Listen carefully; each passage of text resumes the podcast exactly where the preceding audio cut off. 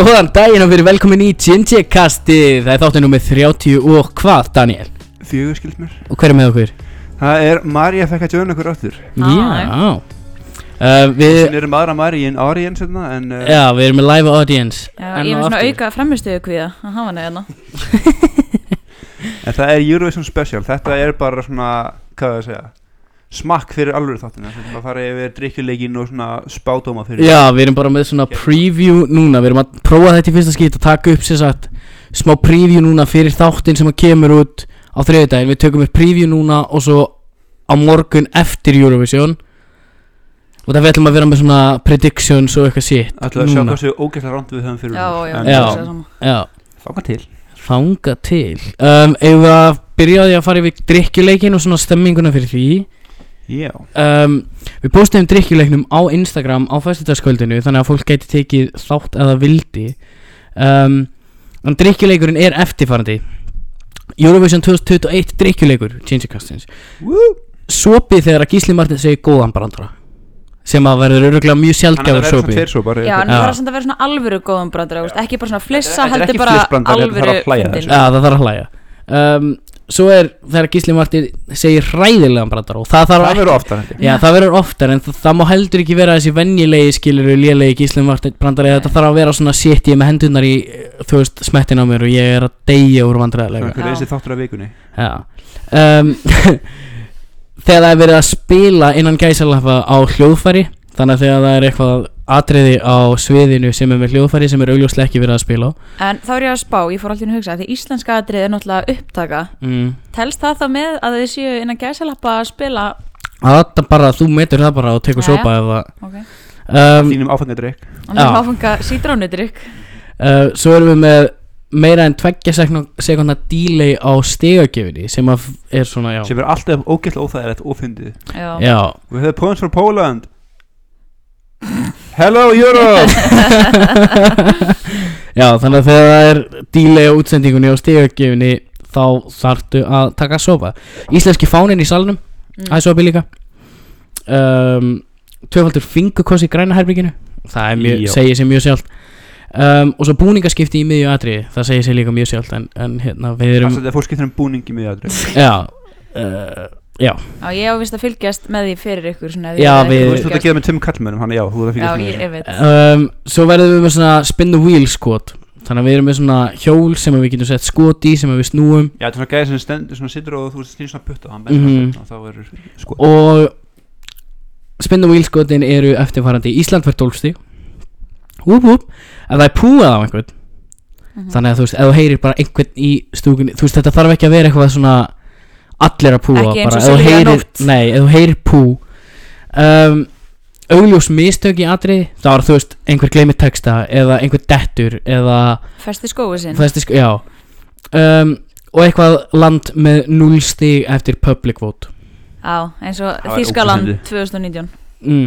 Að þú bara munið þetta Ég var að horfa á TikTok bæði það sem að sínt það sem kona festi skóið sinn og það sem Þískaland fekk núlstig þess vegna er ég að minnast á þetta. Já, já Ég mani þetta ekki, ég lofa. Maður segja TikTok stjárna Svo, svo ætlum við öll að velja okkur land Og ég er búinn að velja Finnland Ég valdi Spán minnu Já, eftir að velja. Ok, og þú ert eftir að velja Og ef þegar að landið okkar fær 12 stig Ef landið Já. fær 12 stig. Ef landið fær 12 stig þá þarf það að taka, taka skot Og það er Það er svona það sem við erum komið með Við vorum að, að Marja var að koma með uppástungu Varðandi að bæta eins við þetta Þannig að við búum til svona topp 5 Og ef við erum með sæti rámt eða eitthvað Nei, sæti rétt Þá megum við Hvað ég hafa, mátt gefa sopa eða gefa skoti eða eitthvað Já, bara eitthvað. Ég segi ef það er rétt land í topp 5 Þá mátt gefa sopa eða rétt sæti og rétt land Þá mátt gefa Á, Mhm. mm true.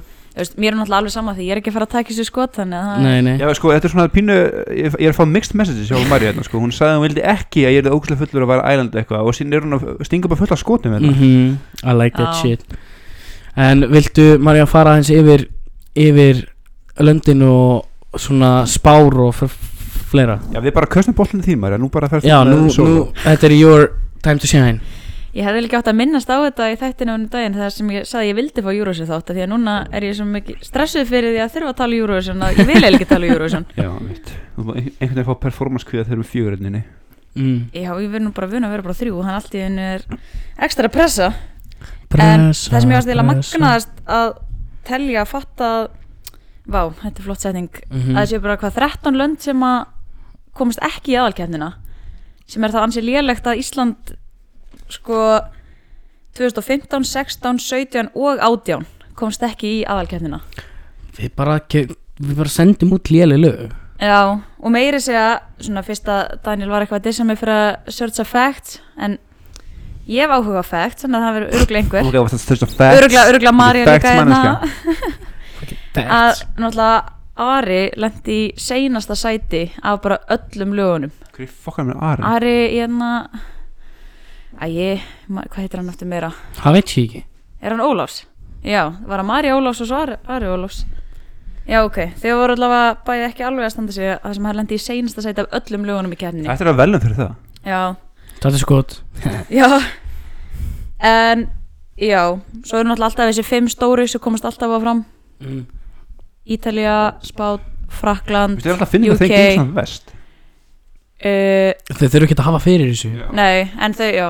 En samt eins og Ítalíu er spáð sigri núna. Þau komast náttúrulega alltaf áfram beint. Já. En sko, breska lagið, ég er búin að heyra það. Það er hræðilegt. Ó, mér fannst það ágætt. Mm. Og maður er að tvöna kynngolli Það er eitthvað alveg rosalega mikið af þessum lögum sem að mér fannst hræðileg sem ég er búin að heyra sko. Já, það er endar En, já, allavega samkvæmt veðbönkunum er sko Ítalíu spáð sigri. Svo er Fraklandi spáð öðru sæti En mér finnst það hræðilegt lag Ég gaði sko, því ég var að hlusta Ég gaði ég þrjá og fjóra einhvern sko.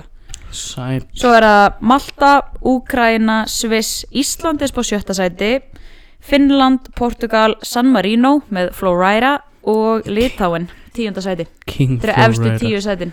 Það er svo leiðis Það er svo Fucking Flowrider hefði náttúrulega bara átt að fara hana og svið með low eða eitthvað. Já, Nei, það er eitthvað rámt að sjá Ég hann. sér bannaðin, ok. Já, minn maður samt Láta Já. bara diskvalifæði Ná einu góðu performance út á þér en þú selur sálina Nei, ég til meina, þú veist, það er bara eitthvað með San Marino eins og þau byggu til lag náttúrulega sem að innhjald orðið Facebook í því og þurfti að breyta því og í staðan fyrir Facebook þá segðu bara ú-ó Æj, æj Nei, ég syngja fyrir, hvernig var það? Nei, ég ætla ekki að það. ég er búin að syngja nóg oft bara hérna bara við. Ég ætla ekki að það upptöku sko Já, en núna er klukkan Tvö á Game Day Já, Já Er það Um, dýna? Já, og ég er dottin í það Ég er komin í það byrjar Ég allavega er komin, í, ég er með, komin með COVID í hendunar Livurinn okkar er farin að fá því kviðkast Yes. Sem er bara næ, sem að þarf að halda sér svona léttum yfir daginn Til þess að Já, fá ekki skellin í kvöld. True. Yes. En já um, Ef að spá fyrir um mig lang, Ég er með uppáhaldslag í þessari keppni Sem er finnska lagið út af því að það er eina þungarókslagið í Já, keppni ég er líka fan af Svona því. innan gæsalampa þungarókslag um, Hann öskrar aðeins og svona í því. Það er búið gaman að því mm. Þannig að um, Svona Ég veit ekkert um þetta Ég veit ekkert Þú veist, ég veit bara þetta veðbankadæmi sem að þú varst að segja núna Mhm. Þannig að Ef við bara eldsnögt dröftum bara núna top 5 sem Sko, að ég við hef ekki heyrt neinlega Það er það fram Ég er alveg blind. Já, þú kemur alveg það er blindur sem bara skemmtilegt að fá þína skoðun. Út, af, út frá veðböngum getur þú svona aðeins mynda þetta. En alltaf, þú veist Ekkit endilega, stundum er þetta bara eitthvað algjör kjaftaði sem að kemur það En fram ef við setjum upp bara topp 5 núna sem að við höldum okkur þá í kvöld Mér langar að byrja að ég ætla að hafa Finnland og Ísland bæði í mínu topp 5 Ætlaðu að stilla upp í úst, 1, 2, 3, 4 eða bara hafa top 5 skilju Hvað heldur maður? um, Ég, ef ekki bara Ég segi Ísland 5. sæti, Finnland 4. sæti allavega Gera það bara svo leiðis Ég ætla að spá út af veðbankanir segja þá ætla ég að spá Ítalíu sigri Já, ég líka mítalíu að nefst um, Þá er ég að hafa eitthvað annað myndum Give me a minute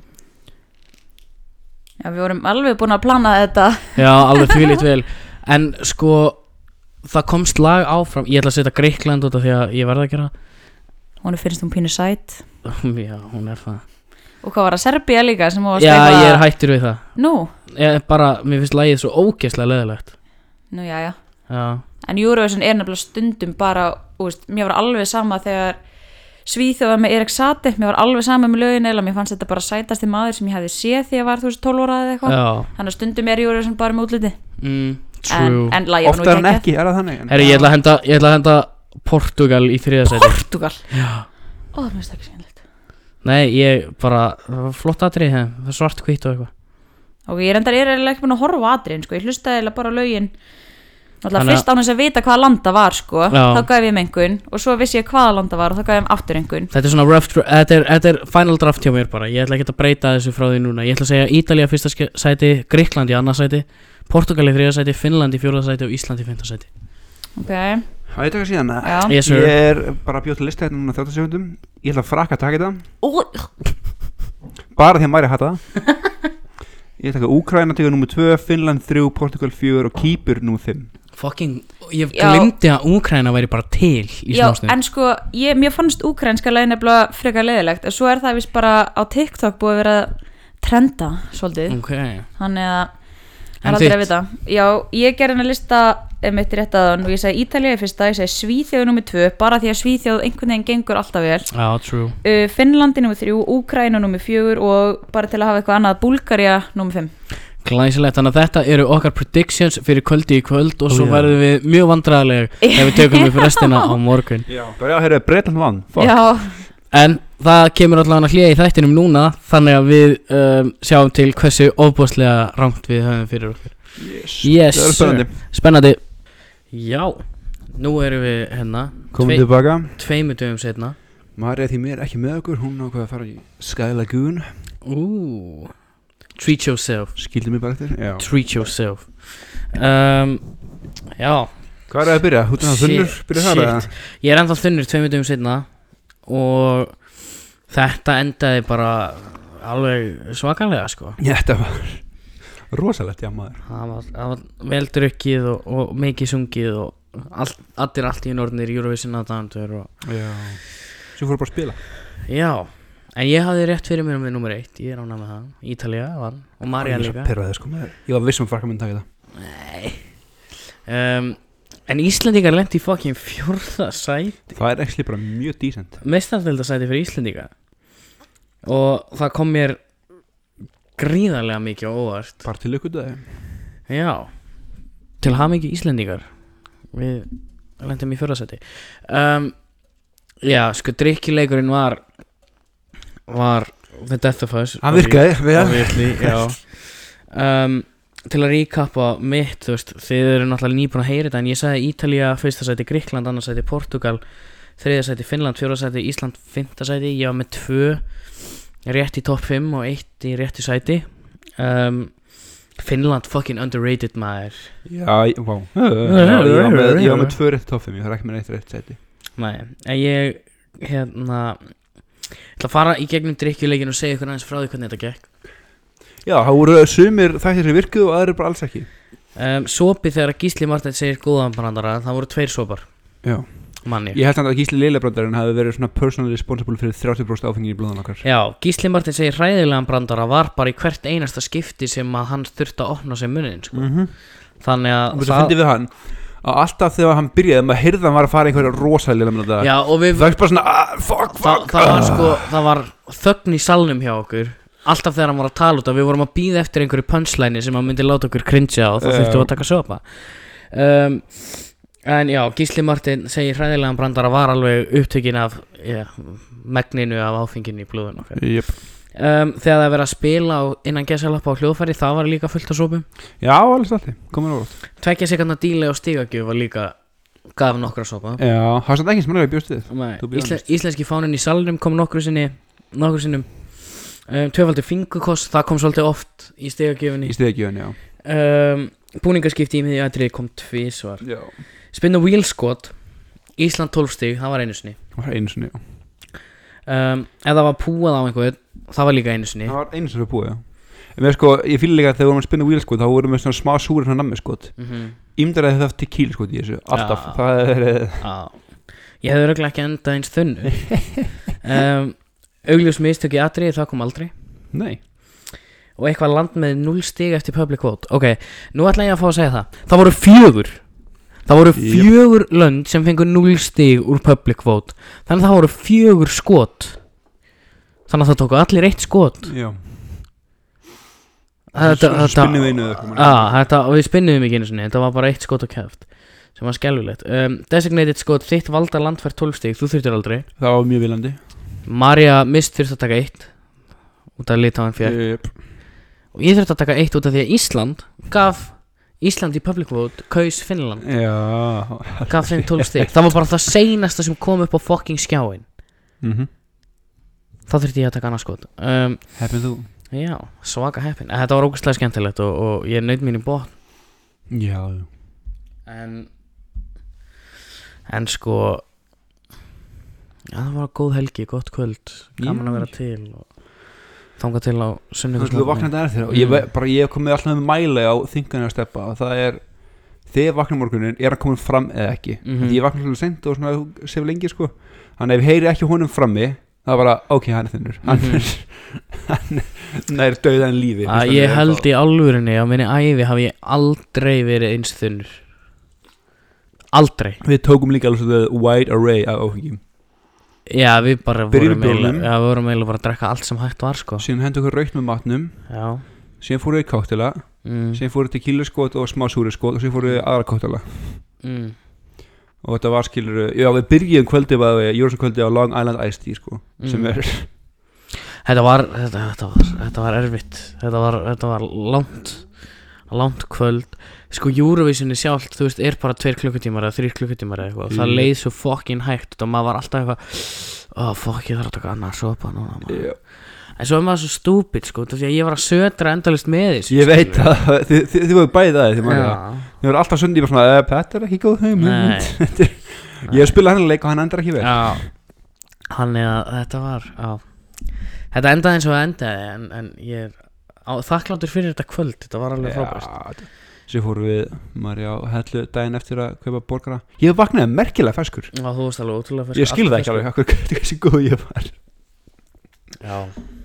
Ég hérna Ég snerti hambúrgara minn ekki í svona þrjá klukkutíma. Sem er mjög ólíkt þér bæða Þú tókst svolítið mig á þetta. ég, ég, vil alltaf, alltaf fá mat þegar ég er þunnur Ég tók einn bita af hambúrgaranum mínum og mér leiði eins og ég myndi ælunum ef ég myndi taka annan I've been there Svo kom ennska deildin skilur og það voru Mhm. allir leikinir í gangi einu klukkan þrjú og ég horfði á leikupurleikin í símanum mínum og það ég gat ekki fucking fundið út hvernig ég átt að kveikja á Apple TV-inu og þú veist ég nefndi ekki að standa upp til að finna út úr því og já þannig ég horfði á leikupurleikin í símanum mínum og leikupur lendi fucking þriðja sæti í Premier League sem er alveg magna Já. en ég mista fyrsta markinu hjá leikupur og það ég fór upp að æla Að sjálfsög um, það er ég æli ekki oft bara í lífinu skilur Nei, bara mjög sjálfsög og ennþá sjaldnar eitthvað tengt áfengi ég hef einu sinni ælt á djáminu og þetta var í fyrsta skipti sem ég hef ælt eftir djám Já, þið þingu Já. Ég var það þingu Já en vákað mér leið vel eftir það Já. það var bara Opnaður út pallina. Já. Já, og ég, þetta er- ég sagði þetta með Mari Þetta er eitt besti staðar held ég til þess að æla á já, Þetta er maður svona opnar hurðin á klóstinu út á pall og það er bara svona hóll og náttúra bara og það er Mhm. fest loft og ég gerði það sko ég sko tók alveg ekstra tvær sekundur áður en ég byrjaði að æla til þess að opna hurðina. Já, mjög klókt og hérna shit, og svo leiðir strax miklu betur og þá gæti ég loksins borðað og þá leiðir mér ennþá betur. En svo krassaði ég aftur. Ég Ég, bara ég krassaði nefnilega svona eftir daginn, já. Ah, Ég var góður til fjög fimm sem var upp í rúmi eitthvað að horfa á Mari og svona eitthvað. Já, Stóð uppi bara, oh fuck, þetta kemur eitthvað að Ok. ég krassaði gríðarlega. Svona já, klukkan svona 5 Já. bara þegar allir leikinir voru búnir þú veist, ég var mjög góður allan setni hálfleikin Mhm. á öllum leikinum Sér er bara hættið að verkefni að virka já, það var bara, svo, svo, mm. svo voru leikinir búnir og ég ætlaði að standa upp og gera eitthvað og ég bara, já, frábært Mhm. en já, Alltaf gaman að vera þarna það er alltaf ógislega gaman að vera hann og, og, og skemmtilegt með æðislegu fólki um, og uh, góð matur og gott að drekka og, og þetta var náttúrulega mér, mér fannst þetta Eurovision vera alveg frábær skemmtun kannski þú veist vínið litar það alveg. Já, hjálpa til að vera gjössalega off our tits. Já, svona Já, síðan árið að byrja að spila um póker og hvað þetta var fucking gaman. Já spilum póker. Ég vann bæði skriðin þú vannst já. Um, þú vannst í pókernum. Um, og blackjack. Jöp og svo unnum við saman í hint. Já, alveg by a landslide. Mm -hmm. og já, bara þetta var bara geggju helgi þrátt fyrir tveggja daga þingu og, og Alltaf fyndið þú, þú, þú, líka þegar þú verður þunnur Þú verður svo þunnur. Ég veit það. Það er nefnilega ekki oft sem ég verð þunnur þunnur. Og það yfirleitt er ég bara að drekka þú veist fucking lightbjór Mhm. eða bara straight gin og tonic um leið og ég er komin í eitthvað þú veist gimletta og Long Island Iced. Tea og fucking smá suri skot og rauðvín og fucking Tuber Classic Og korona og Corona og það er bara svona ég fann alveg líkamann minn sko þegar ég var að fara að sofa. Ég fann líkamann minn bara haha þú fucking fíbl Bara að þú veist hvað maður gera, þú veist hvað maður gera það ekki? þú, þú átt þetta að finna vil fyrir þessu. Og ég þambaði sko alveg tvö vasklags fyrir svefnin þau voru ekki nóg. Já, ég kom með vísklas henni í rúm. Já, Ég fór ekki svona vasklas já Marja sagði mig frá það Daniel var bara viskiglas upp í rúma hann, hann sagðist þurfa að klára Ó. ok. Maður klára glasa sitt. En svona aðeins um Eurovisioni sjálf ég held að ég hafi heyrt lélegasta lag æfið minna breska lagi Man ekki eftir því. Það var bara hræðilegt. Enda fekk hann 0 stig og 0 stig Já, mitt. Um, fullt af lélegum lögum eins og vanalega. Um, góð lög þegar maður er í glasi svona 2, 3, 4 kannski. En við gáðum öll einhvernir sko. Ég vildi óska að ég væri með það hérna fyrir fram að með en ég er ekki með það. Um, Hver var, hver var, var þú eða ég sem hægt meðaltalið? ég var með lægsta meðal ég var með lægstu meðal einhvernina Anna kom Marjónar voru með hæstu held ég. Marja mist Já, ég var með næstlega sko ég var með 5,5 í meðal einhvern gaf 5,5 í meðal einhvern mm -hmm. þú varst með þú veist, 6,5 eða eitthvað. Um, Marja Rún var með 7,2 og Marja mist 8,4 eða eitthvað. Þetta Uh. voru ekki, mér finnst þetta engin spes lög í þessu. Það var svona bara sko ég gaf Finnum 10 held ég og Íslandi 9,5 annars fór ég ekki yfir 8 sko. Nei, ég var vel lítið og hérna En því líka því að koma svo fucking god awful lög inn á milli Þú gafst Já. bara tvo eða þrjá eða eitthvað skilur og það er náttúrulega já þú veist ég gerði samt alveg mistök ég viðkynni það sko. Ég var að miðið út frá tónlist ekki Eurovision sko. Þannig að Það já. þá, þá, þá verður þetta strax alveg þú veist Eurovision einhvernin er basically þess að þú gefur venjulegri tónlist pluss alveg tveir heilir eða eitthvað sko. Já, en ég gerði það ekki. Um, en ég held að sko breskalagið hefði samt verið 0 það var rosalega lit já bara atriði skelfilegt og hann söng þetta svo illa strákurinn. Ég bara en ég er samt ber mikla virðingu fyrir hvernig hann tók þetta bara á kassan Þegar hann fekk núrstið hann bara var hann bara eins brest og hættir bara með flöskubjórin í hendi Já, og, bara fagn Þú veist það var svona pínu vakkandi skilur Já. auðvuslega með Ég Með sökka, ég blóðinu. veit það, Já. ok hann var svo gæglegt maður en Líka sem dick move og var að stikka kamera beint í andlagur já, þú veist 0 stig frá domnefndum og þú veist 0 stig frá public vote Já, ekki eins og Íranir gáðu ykkur stig sko. Nei.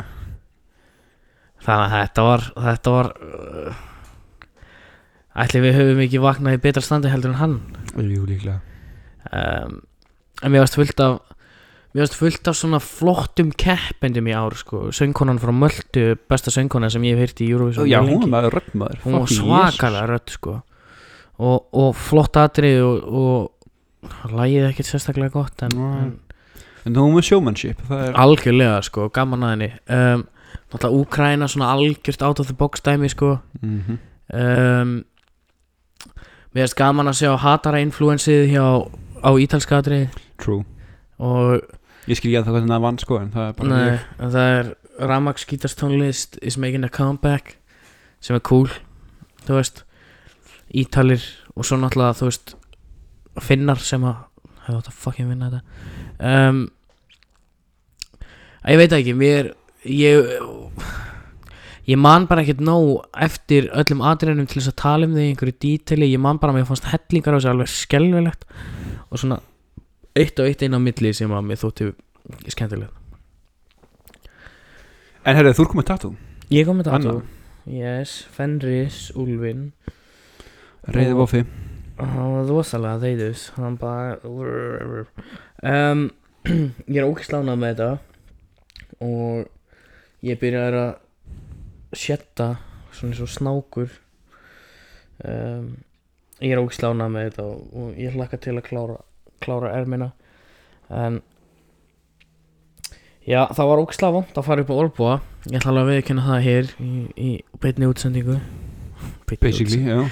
Það var ógeðslega vond þegar hann fór inn upp á Olbúa Já, ég veist, ég trú því alveg. Um, restin var alltaf lægi sko, en svo náttúrulega, þú veist, þekkir þetta maður verður bara þreyttur og, Já, og þá verður þetta er vond fyrstu tímundar sem finnur ekki fyrir sem næstu klukktímanna og síðan síðan klukktíman er hreint helviti. Já.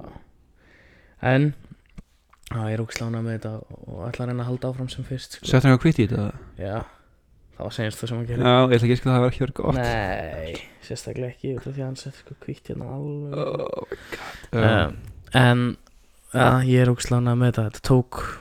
ágætist tíma. Gáði það, 6 tímar eða? nei, þetta voru, þetta voru fjóri tímar. Já, ok, ok. Fýri tímos. Fýri klukkutíma. Yes, og mjög ánæður Og líka bara, þú veist Fór hann og hann síndi mér hvernig hann ætlaði að hafa slífu og ég bara, jep, þetta er bara svolítið það sem að ég I had in mind, sko. Já, Svo var alveg magnað, þú veist Artistar, tattoo-artistar fá ekki nóg mikið kredit fyrir það finnst mér að captura svolítið imaginationinu hjá Já. fólki, sko og þau gera mjög margir alveg fáránlega vel. Já, líka bara setja á húð, sko Teiknallega á húði er allt öðru sem teikna pappír, sko. Og ég er bara, já, eins og ég segi ég er úkislánað með þetta. Um, og hlakka til að halda áfram. Um, hérna lendinu samt í því þegar ég var sem sagt að taka alveg fyrst af hérna þú veist plastið. Já. Að hérna og þetta er svo skóla skiluru og allt. Það var bara, það var svona í fyrsta skipti út af því að ég ekki fór í speilin og skoðaði um leið að það var búinn skilur en ég tók enga mynd. Mm þannig að þú veist, ég var svona ok gæti ekki séð þetta svona alveglega nema bara í speiklinum og eitthvað svo bara tók ég myndin og var að senda fólk og bara, oh my god, þetta er fucking cool, þetta er geggjað. Svona validation sko. En Það er nöðsynlegt social validation. Já, já. en hérna ótrúlegt sko, mér finnst ég vera strax búin að venjast ég að vera með þetta. Já, versus sko vinstri Led Zeppelin tattooið það tók mig alveg nokkur ára að venjast ég að vera með það. Líka, það var alltaf bara svona að horfa niður og já, Já, alveg rétt. Maður venst í miklu hraða þegar maður sér það ekki konstantli, sko. Já. Þannig að Það er svo ég mér bara, ég gleym áttu sem ég á öxlinni vinstum með, sko. Já, Eða það er svo, og líka að hendur enn það öðrin, sko En það er, já, úps. Ég sé númerið og reyfir miklu ofta, sko. Já, já. Das Fox. Yes. Varst það þessi mataplast eða svona, uh, svona húð? Mataplast bara, miklu betra. Miklu betra. Já, ég er svona ekki bæði, ég er ekki viss hvor, hvor meginn ég þannig að ég held að svona húðplast eða svona eins og þú hefur vantilega fengið á, á lærið. Ég fekk að læri og á, á bringuna. Já, það er náttúrulega bara þar sem þú getur ekki bundið þetta utanum, skilur Þannig að þess að þú þarfst að festi þetta við eitthvað Ég samt, ég verð að segja það, ég þýlaði eins og, ég fekk sko mataplast nefnilega á öxlana mm. Þannig að það fór að byrja með flugvel, þannig að það er eitthvað En ég fílaði það þegar ég fekk í Kanada bringuna Það næs að vera plast, eða svona við húðplastið þegar út að ferðast eitthvað, skilur, mm Mhm. -hmm. ferðinu og svona En það fyrir heim, það skilur ekki manni, manni, manni. Já Það ég er mjög hannað með þetta Ég, hérna Ég þurfti sko breytum stellingu. Fyrst satt ég bara, þú veist, með hendina Og svo þurfti hann að fara, þú veist, hérna undir Út af því að, þú veist, þetta er ekki alveg á miðjum, miðjum handlegnum Út af þetta er náttúrulega partur af slífi. Um, Þannig ég þurfti svo að fara að leggjast Já, Og vera með hendina úti. Og þá var svo erfitt að distrakta sig eins og með símanum. Jep, þú veist því að þú veist, þetta er ekki nuttbækur, þú veist, þú ert ekki með hóluna eða neitt, þú bara Mm. liggur á maganum og það, það þú veist, þá var þetta strax verra sko. ég má bara þess að því ég var fekk að læri, sko, þá, þá var ég ég tók bara hirntólum og var hlusta hljóðbók bara með Það er ekki síman, þú veist, að lága hliðin, þetta var svo skemmt skrítið þannig að- já, Nei, bara svo, maður stöður um spáni þegar ég fekk hérna á fram, þú veist, framhæðleikin þá byrjulega tókum við að handtugustællingu mhm. Og bara með svona hlið úti, það var ókesslega það mhm. Það ég er mjög ánæður ég er mjög ánæður ef þið hafið ekki náði en þá ég er mjög ánæður Já, þetta var það varst að kaupa þér íbúð? Mm. já, já, Já. já. um, um, fleiri, skemmtilegt komum aðeins inn á áðan. Liverpool náðu fokkin þriðasæti í ennsku rólstildinni eftir Svo turbulent. disaster tímabil. Já, sem er bara kredit á Jörgen Klopp bara besti knallstjóri í heimi. Um, ég ætlaði svoleiðis að vera góður í gær og geta fagnað þessu almennilega en svo náttúrulega fer það allt um gluggan um leið og, um leið og bú, byrjar í drikkjuleiknum sko en ég var það þunnur að ég var næstu búin að gleyma að leikurinn væri að byrja út af því að þú veist hvernig þetta er þegar maður er svona ógesla þunnur maður svona Mhm. driftar bara in and out of consciousness Já. skilur og klukkutímanir fljúa bara frá manni Jep.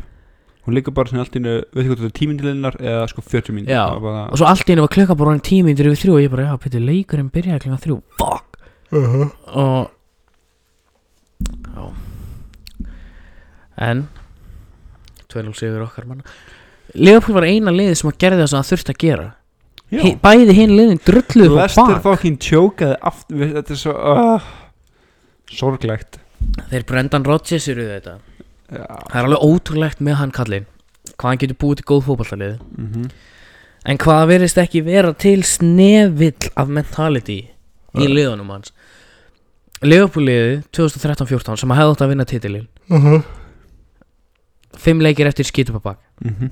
Lester liðið núna í fyrra og núna í ár skítupabak það er ekkert lið sem er búið að eða fleiri, meiri tíma fleiri dögum í topp fjórum senast í tvö tímabil heldur en Leicester City.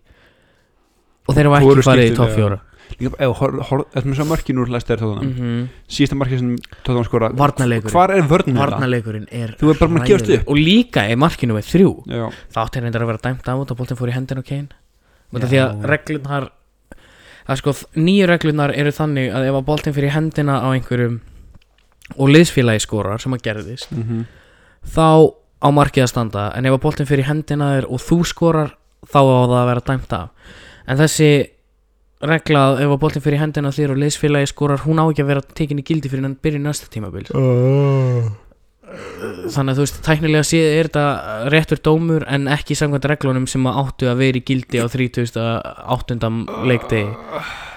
Þetta er, þú veist, bara líka sjáðu bara menn, þú veist, þeir eru bara hættir þeir eru búnir, þeir eru að gefast upp á það ég meina líka sko, þeir vinna hann að FA byggarinn og gera ógeðslega vel að vinna það þú veist, engin eigi rauninni gaf þeim séns út af því að fucking Chelsea voru fljúandi Mhm. um, svo vinna er það og ætli þeir hafi ekki bara djammað of hart eða eitthvað, þú veist, þetta bara já, þú veist, þeir bara kláruðust eftir þetta var bara meltdown já. mm. og síðan það var Chelsea líka já, fyrir Villa já. sem að þú veist, Villa er fínasta sko hefði. Thomas Tuchel tekið komast í útlið meistarliðunar og síðan ekki komast í meistarliðunar kring dildina, það hefði verið fucking skandal Já.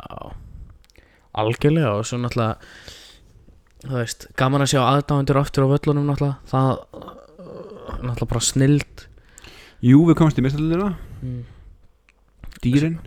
Fucking Rassæsar Sem er samt, þú veist, jú við komast í meistaraldildina AC Milan komast í meistaraldildina í fyrsta skipti í mjög langan tíma. Allir ekki var spænsku Atlantík og vinnir spænsku dildina Lill var fransku fransku, þetta er svona sjokk result að þessu tífili Já, það fullt af sjokk results sem að gerðist og, og, og fullt af svona hlutum sem að maður bara fyrir tveimur, þreimur mánuðum voru bara nei. Líka bara næs fyrir næs redemption fyrir Luis Suárez að vinna. Já, náttu það skilið. Fókinn kasta út úr Barcelona út að hann er of gamall og getur ekki performað en svo fara þeir sömarið eftir og ná sér í Aguero Já, bara, já, að tvekja samning. Já. En, gaman fyrir Messi að fá his boy. True. Er ekki Ah. Aguero guð, guðfæður Sálfránans? Jú, eitthvað svo leiðis, þeir eru eitthvað bestu vinir Bros. eitthvað. Já, þeir eru mjög góði vinir. En, Nei, hvort að Messi sé guðfæður Sónans Aguero? Já, ég held að það sé svo leiðis sko. Þeir eru mjög góðir vinir og Messi og Suárez líka alveg bestu vinir. Jú. um, Sko eins og í þýskundeldinni þá var þetta aldrei spurning. Nei, Dortmund svona underperforma.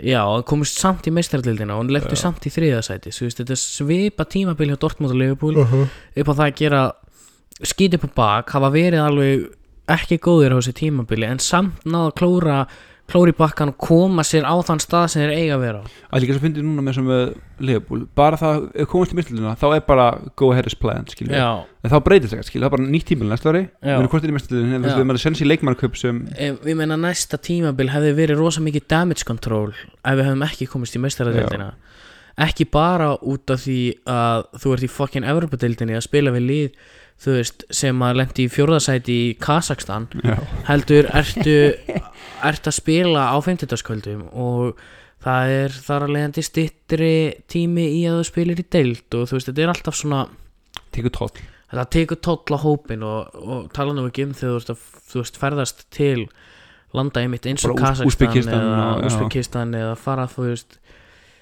fara að spila við eitthvað lið í Rúmini og á velli sem hefur ekki verið slegin síðan 2002 Já, þú veist að og þá er ég ekki að dissa löndin eða, eða neitt, þetta eru bara klúppar sem að Standardinn eru er ekki á hæsta leveli skilur, þú veist, þetta er, það er hugsað verð um klúppana, þess vegna eru þessir klúppar ekki í meistaradildinni Mhm. um, Algjörlega samlega uh, þannig að þú veist En er Haaland að fara Holland fer ekki til sumar held ég. Heldur ekki? Nei, ég held að hann Af eitthvað að kosta það Nei, bara út að hann áttur að kosta alltaf mikið pening í sumar þegar þú getur beðið þá til næsta sumar þegar það er klásula virku í samningunum. Já, true. Þú veist, hann, á, hann myndi kosta 200 miljónir í sumar versus 67 miljónir Já, já. sumari þar á eftir. Kaupir sitt hann Tími sitt ekki að kaupa hana?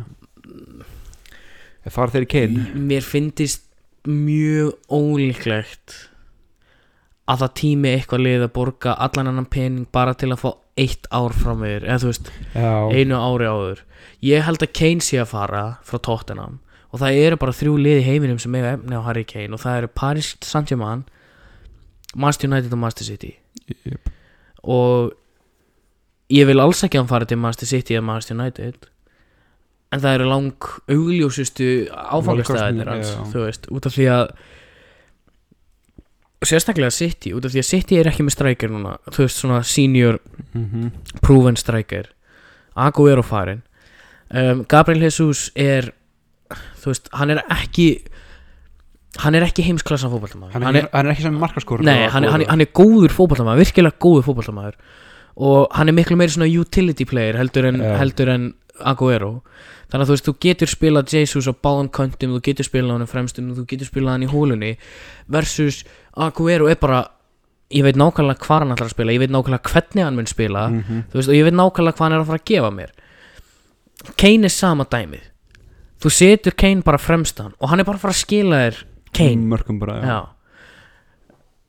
Gabriel Jesus er miklu meiri hann er náttúrulega brasilískur byrjum á því. Þannig að hann, hún finnst gaman að vera með boltan í lappir hún finnst gaman að taka menn á. Hún finnst ekki bara gaman að skora hún finnst gaman að skapa. Um, hann er rosalega góður í að taka menn á og hann er rosalega góður í að búa til færi fyrir aðra. En það er bara allt og mikið af svoleiðis leikmunum í sittiliðinu nú þegar til þess að réttlæta það að Gabriel Jesus sé allt í einu orðin aðalmaður já. þannig að minn sterkir grunur er sá að Harry Kane fari til Manchester City og ef að Harry Kane fyrir til Manchester City þá held ég að flest í deildinni geti bara kvart þess að deildi í þrjú fjör ár já. út af því að Harry Kane er það góður að koma inn í það gott lið nú þegar að það þarf eitthvað eins og að Liverpool komist aftur upp á sitt allra allra besta til Já. þess að stoppa á um, og þú veist ég get ekki ímyndað mér meira lethal combo heldur en Kevin De Bruyne og Harry Kane sko þetta eru tveir bestu leikmennir í Premier League. Þetta verður svolítið svona, já. Þetta One way street já, ég held að ég held að þetta verði pínu svona Barcelona 2012 dæmi þar sem að já. þú ert bara með alla bestu leikmenn í heimi í öllum stöðum. Og og það þarf eitthvað skelvilegt að gerast til þess að þú vinnir ekki allt. Já. og uh, sko Guardiola er störlaður knaspindi þjálfari og hann, það má aldrei taka það í burti frá honum hvað hann hefur gert á þessum 12 árum sem hann hefur verið þjálfari. En hann er búin að eða fullt af pening og hann hefur alltaf tekið við liðum sem að eru sigurstránglega og Og eiga fullt raskat af penning já, eiga fullt raskat af pening og nú þegar alveg styrlaða leikmenn eins og hjá Bayern. En alltaf besta jobbið hans hingað til hefur verið fyrsta jobbið, Barcelona. Að Já. búa til menni eins og Busquets og, og gera Messi svona nokkurn veginn að því sem hann er í dag og hefur verið. Um, ég hef mikinn grun á því að sumarið í sumar verði svona fyrir flesta stóru klúbana það sem að seinasta sumar var fyrir Chelsea. Já, já. Það sem að allir stóru klúbanir eru ok, við erum komni með peningafló aftur. Mm um, og við erum að fara að fá miklu meira peningafló út af því að aðdáðundur eru að koma aftur inn á vellina. Já, við getum ekki leift þessu liði eða þessu liði að halda áfram að ganga svona vel. Ég ætla að flexa fucking bæsefnum mínum flexa veskinu og ég ætla að fara út að kaupa eitthvað svaka. Chelsea reyndi það í fyrra. Chelsea gerði það í fyrra. Það bara mistókst hræðilega ég er alveg viss um það ef að Thomas Tuchel hefði verið aðna frá day one þá hefði við séð Werner hitta 15 mörg og Kai Havertz hefði verið miklu miklu lengra komin með sitt development. Mhm. út af því að sko Thomas Tuchel að mínu mati og ég og þú höfum talað um það áður hann hefur alltaf verið pínu vannmetinn stjóri af hann hefur gert rosalega góða hluti á stuttum tíma hjá öllum klúbunum sem hann hefur verið hjá. Já, þú veist, hann var náttúrulega reygin frá Dortmund ekki út af því að hann var ekki að standa sér vel heldur hann hagaði sér eins og hálfviti. Sama með PSG, þú veist, hann vinnur alltaf titlana sem hann náttúrulega átt að gera hjá PSG nema og heitir Mauricio Pochettino. Þú átt að vinna alltaf titlana en hann kom þeim í úslit meistaradeilduna og hann var óhefinn að vinna ekki. Þú veist, hann mætti bara störla sterku bæinn mjúnigliði sem að var aldrei að fara að tapa þessum leik alveg saman hvað. þeir voru aldrei að fara að tapa þessu leik. Um, og Tuchel er búin að gera rosalega vel hjá Chelsea hinga til og hann er búin að koma mönnum í gang eins og Mason Mount sem að, og koma þeim á level sem að maður held að er myndaldri ná Mhm. en það er því svakalegt disaster ef hann myndi klúra báðum úslitaleikunum sínum Já En samt mútum mann sitt í sko Hann að ég hef full að trú á, á að mann sitt í vinni þetta eins ömulegt að það verður en, en, en hérna þú veist það er líka bara testament til hversu þú veist bara hversu stert þetta sitt í liður orðið og, og, og náttúrulega stærsta hindrunin í þeirra leik hinga til og bara í þeirra svona uh, þeirra byggara söfnun hefur náttúrulega verið meistaradeild Já. Og ég held að vera komnir loksins alla leið í að með þennan þjálfara. Já. Það er ekki, að- þú veist ég held að þeir muni bara vinna þetta. Og þægilega. En ég vil samt að Chelsea vinni. Já, ég valdi það um, Og síðan Gini farin frá Liverpool? Gini færi frá Liverpool Aguero að fara frá City og Sambarlega leikmann uh, ég elska Gini og ég held að Gini ég held að flestir í Liverpool stuðningsmenn geti verið sammála um það að Gini er að fara frá Liverpool sem legend sko. Þess, hann hefur verið partur af uppbyggingunni á þessu Liverpooliði sem við þekkjum og elskum í dag og verið bara ever present figure í ekki bara upprisinni heldur sko alveg on the peak Já. og skilaði mikilvæg mörgum eins og Bara Barcelona, Barcelona, og, og hérna og fólk gleymir því líka ofta hann skoraði útivallumark nummer 2 árið 2018 á móti Róma sem að koma okkur í úrslitaleikin í Kív ultimately. Um, þannig að það er Er hann ekki farin til Barcelona bara? ég veit ekki, ég meina Barcelona þurfa að reyna að ná sér í menn á fríu. Þeir eru ekki pening til þess að kaupa menn. Já, hann þekki Kóman vel og... já, já, menn eins og Frenkie de Jong eru þarna nú þegar og Memphis Depay er að fara þarna. Mm -hmm. þannig að þú veist Barcelona gætu átt alveg bara því líka sömari þegar það kemur að leikmannakaupum án þess að kaupa ein, einasta leikmann. Já. Þú veist, þeir eru að fá Erik Garcia frá Barcelona. Nei, frá Manchester City. Er hann farin til þeirra? já. Þeir eru að fá Erik Garcia frýtt frá Manchester City sem að er tvítugur, ógæslega efnilegur hafsend sem að er bara akkurat það sem að Barcelona þurfa í augnablikinu. Mm -hmm. þeir eru að fara að fá Memphis Depay frýtt þeir eru að fá Sergio Aguero frýtt og ef þeir fá Wijnaldum frýtt líka þá erum við að tala um leikmenn í allar stöður á vellinum. Jöp eða svona alla helminga á vellinum. Eða þriðjunga í rauninni. Fyrir þurfa ekkert að borga transfer fee bara laun og sign-on fees. Jöp og svo geta þeir selt mennina sem þeir vilja selja. Mm -hmm. sem að ég held að verði menn eins og Miralem Pjanic Já. uh, Úsmann Dembele. Um, Selja byrja, heldur það? Ég veit það ekki, þeir selja örugglega einhvern af Dembele eða Grísmann sko. Um, þú veist Martin Braithwaite á ekkert að vera hana og, Hann og svolítið fá tína Messi að myndi fara í þetta svo- Það er svo fokki fyndið. Ég held að Ricky Puig fari líka sem er synd sko, ég held að hann verði mjög góður leikmaður ef hann fær að vera áfram í Barcelona. Um, svo las ég einhver staðar á netinu og ég held að það sé kjafta en ég held að Petri sé falur líka fyrir einhverjar upphæðir sko. Það verið synd Ég held bara að þeir eru það financially crippled í augnablikinu að þeir þurfa bara að láta menn fara frá sér sem að vanalega þeir myndu halda í 10 ár, 15 Getur ár. ekki bara fengið Petri til Leopold? Ég var alveg til í það. Bara, Var alveg til í að fá Petri og Puig bara. Já. Pakka til 50 miljonir, tekið þetta lífið Við fáum, verðaldur, við fáum það tóa frýtt Já, já, bara hei, þið þurfum ekki að þið þurfum ekki að klára að borga Coutinho. Við ætlum að taka þessa tvo í staðin Þeir þeir skulda einhverjar 55 miljónir evra ennþá fyrir Coutinho sko. Úgeðslega fyndi bara hei, afskrifum þetta ef við fáum þessa tvo. Afskrifum þetta. Nei, en sko, næsta tímabil ég hef það á tilfinningunni varandi Liverpool að það sé eitthvað stórt in the works Sko með það, hvað, kefti ekki raskat í janúar skilur okkur svona, þetta er svona, já, lyktar keiftu, af því keiftu ekki raskat í janúar keiftu, jú, Tiago sko, og ég ætla bara að segja það einn besti, ef ekki besti miðjumæður í heimi, hann er að fylgjast með þessum manni spila fótbolt og sérstaklega yfir senustu tvo mánuðina hefur bara verið unun mm -hmm. um, þegar að Tiago er available fyrir 20 miljonir evra og hann vill koma til þín það bara gerir það yep. Kaupa Jota og Tiago en það er svona ekki það sem við myndum kannski defending champs, þetta er ekki svona vennuleg kannski Nei, ég meina Jota líka og við, erum að, við keiftum Jota á því að við borguðum út þú veist 7 miljónir af 40 miljónum fyrir hann. Þú veist það er eins og við séum að halda í pening sem við eigum til þess að gera eitthvað stórt. Ég, hvort sem að það er Mbappe eða Sancho eða fucking ekki hugmynd, bara einhver einhver af þessum risanöfnum sem er alltaf verið að orða við brottför frá sínum fjölugum mm þá hef ég það á tilfinningunni að það komi eitthvað svona í sumar og það er náttúrulega tvöfaldast líkindin á því við það að komast í mestradeild já, en það sem að Liverpool þarf að gera í sumar og við, við getum báðið verið samanlega það við verðum að finna Gini Wijnaldum replacement og við þurfum að gera það strax. Út af því að hann er ekki flassi leikmaður og hefur aldrei verið mun það aldrei er vera bara workhorse. Hann er bara, einmitt hann vinnur boltan ógislega mikið tilbaka.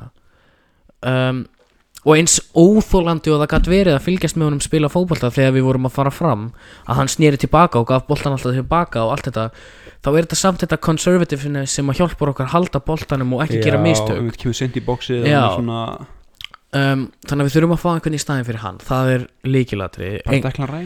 Nei, hann er allt og dýr held ég.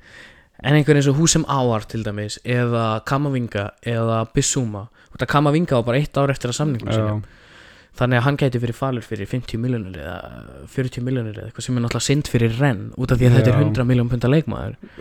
Auðvitað, já.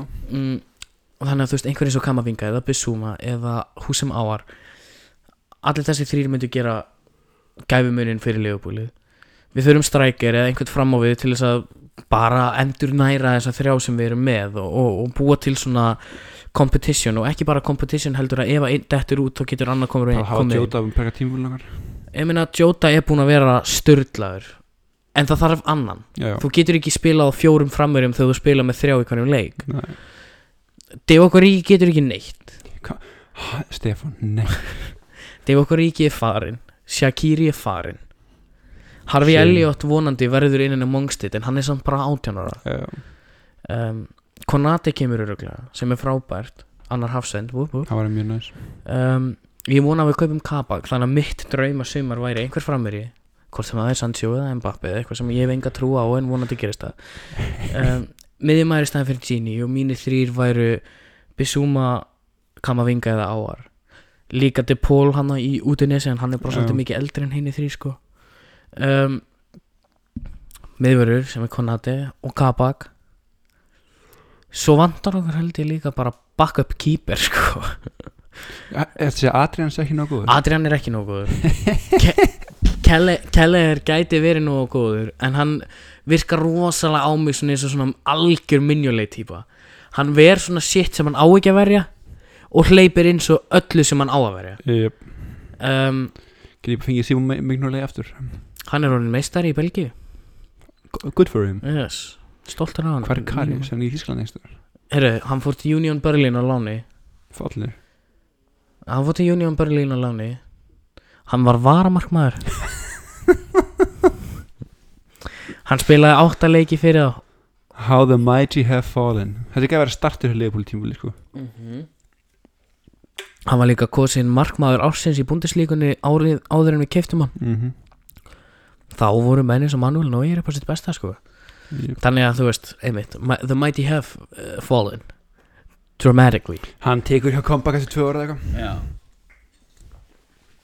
En svo held ég líka bara Tottenham þurfa að fara í rebuild sko. Já, þetta er bara að henda helst ekki Öllu út og byrja bara. En ég meina hugsaður hvað það myndi gefa Tottenham að fá 150 miljónir fyrir Kane.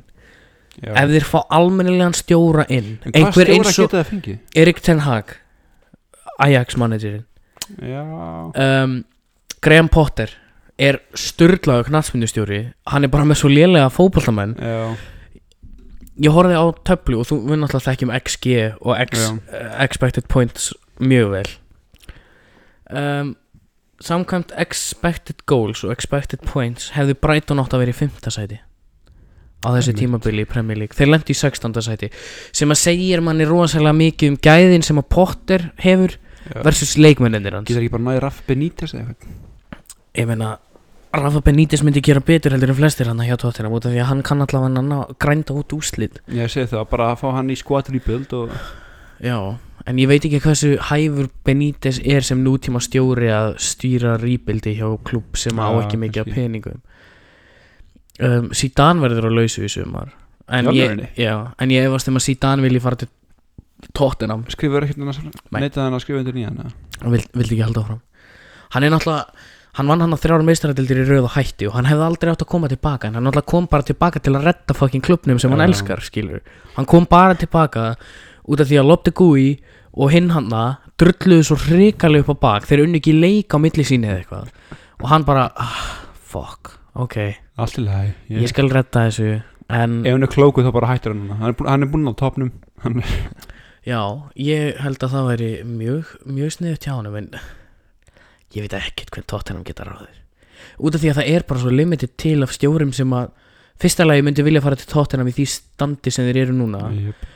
og sérstaklega ef þeir missa Kane þá er alveg risa incentive að koma að farið Það er líka sko Þetta er svona ástandið að tóttunum Það er svona eins og skemmtilega áskorun í FM Já. Ég var til að taka þessu liði skil fólkum mann Já. En þeir, mér finnst þeir hafa gert bara ógislega stór mistök með því að reka Mourinho. Og sérstaklega þegar þeir Og líka bara eitthvað pott á sínum tíma mér, sko. Já. Þannig að ég Herri, Ryan Mason bara, hann tekur almáttur En hvað gerir Gareth Bale? Heldur þau að hann fari bara aftur til Real Madrid Ég held að retire bara fótbolta Hann er bara, hann er góður. Geir, hann Jésús minn. Hann er Hann er búinn að vera ógeðslega góður á þessu tímaböli fyrir Jöp. Hann er búinn að spila 20 leiki og hann er búinn að skora 10 mörg Ég held að sem er besta minutes per goal ratio í Premier League. Um, Hann er ekkert fótbolta sko. hann, hann er heimsklassa fótballtamaður á sínum degi. Hann er bara, hann er einn aðeins besti þegar hann nenni því sko. En hann nennir því bara ekki droslega oft. Nei. og hann, það er náttúrulega búið að mismanage hann alveg hræðilega á þessu tímabili. Og bara svona sístu fyrir ekki fjör ára já. Um, þannig að ég er svolítið spenntur að sjá hvað verður um hann hvort að, hvort að nýr stjóri hjá Real Madrid muni gefa honum séns það Mhm. er nummer 1, 2 og 3 vegna að ef það kemur inn ný stjóri og þessi nýji stjóri er búin að uh, horfa á Garðspil og já, þú får sensin hjá mér þá náttúrulega verður hann áfram hjá Real Madrid hver er að taka við Real Madrid? Það vantar, þjó, það Neigulsmann er tekinn Dieter Flick tekið Þýskalandi Hvað Jókim Löf?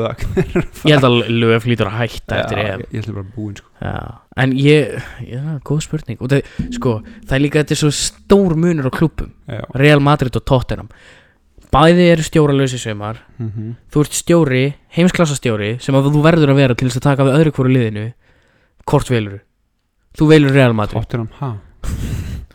þannig að þú veist, það er alltaf verið að orða Antonio Conte frá Inter Er hann, að- hann er, sko, hann vann til núna. Er hann að hætta eða, veist, er, hann, er hann góður eða vill hann núna halda áfram reyna að vinna aftur? um, Hann bæði vann dildana á einhverju Premier League reject liði, sko. Já. Antonio Conte er eina bestu knaspinstjórum í heimi. Og það vissu það allir sem að sáu liði sem hann byggði hjá Chelsea. Já, en ef að hann er í alvörun að fara frá Inter í sumar þá er bara einn áfangastæði fyrir hann og það er Real Madrid. Já. Hann um, að Sim- Simeone er alltaf svipaðir já þannig að hver getur tekið við Tottenham? Þeir eru að fara í þeir, þeir eru að fara að spila áhættu í sumar. Mitt vote Sean Dice já, Við erum að handla börnlega uppi svona lengi. Eddie Howe að tóttina væri geðvikt Fá Rói Hodgson bara inn. Já, heyrðu, Rói Hodgson eru lausu.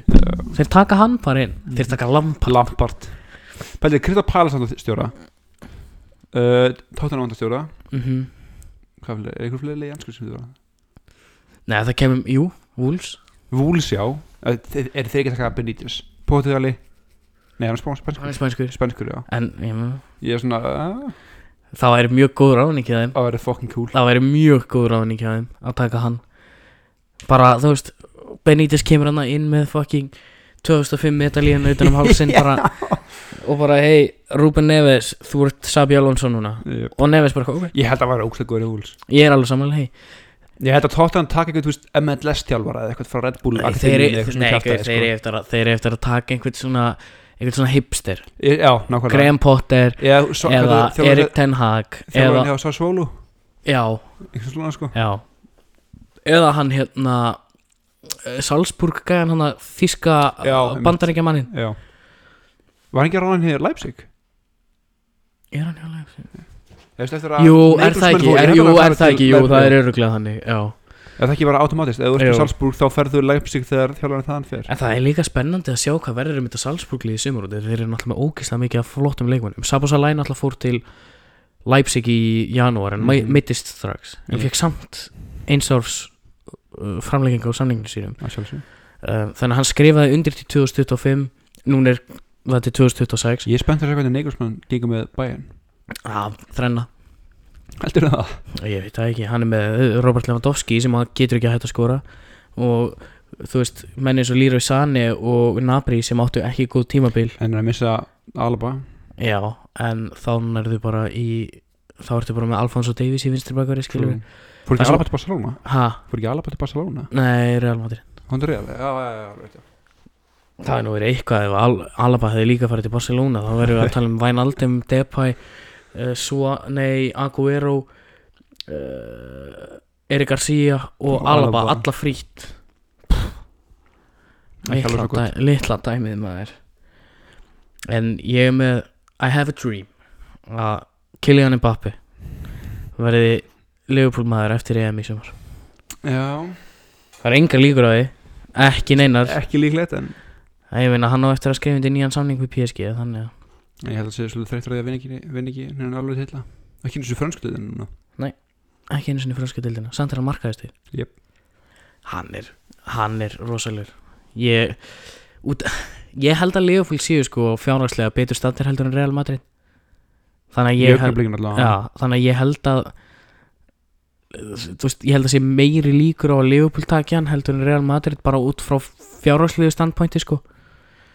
En hversu vel Liverpool eru standir veit í rauninni engin út af því að við höfum ekki verið að flexa og Nei, við höfum er búin að halda spilinu mjög nált Já.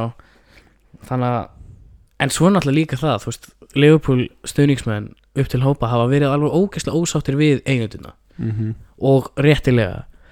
Þannig að það er spurning sko hvort að þeir reyni eitthvað svona to make amends í sumar og geri bara eitthvað svona unprecedented. Já. Og vonandi gera það en Það væri ógæslega gaman. Já. Það ertu með uh, plötu vikunar Hú, þá er ég opnað síman Opnaðu síman og segðu mig hvað. Bum, bum, bum, bum, bum, bum. Bum, bum, bum, bum, bum, bum. Sko. Sko, sko, sko, sko, sko. Sko, sko, sko Ég er með hérna Ég finn þetta helið Findu það Findu það, findu það. Uh, Mín platt veikuna heitir Super Modified með Amon Tobi. Ú. Amon Tobin. Sknild, heyrðu um, Mín plata vikunar er Death Magnetic með Metallica Þannig að Super Modified og Death Magnetic. Death Magnetic Alright. Þetta var svona Eurovision slash fótbollar recap Gindy Cousins. Já, Býðum við spennt eftir þetta þetta næsta ári? Já Og við vonandi spennt eftir hvað við höfum að segja um EM í sumar. Úf, ég fer að gráta ef að Trent fyrir ekki á EM. Það verður, Ég held að fara ekki við þeim sko. Hann er með 26 manna hóp núna í staðin fyrir 23 það hlýtur að vera eitt af þessum þremur auka plássum sem þeir fá hljóta, Já. hlýtur tre... þú tekur bara Trent hann er besti, fó... hann er ef þú tekur alla leikmenn sem að England eiga í fótbolta Trent er einn af fimm bestu fótboltamennunum í öllu liðinu. Já, Southgate er bara svona pínu hann er, já, hann er mjög, hann er mjög stúpid sko. Og ég held að Englandi eftir að drullu på bak á EM í sumar og Southgate á eftir að vera reikin Og sér ráðið Rói Hodgson aftur. Yes, circle. Yes. Og Harry Kane getur vlogsins tekið hotspinnuna sína. Loksins. Eh, takk hérlega fyrir, fyrir að hlusta og þá til næstu viku. Bara enda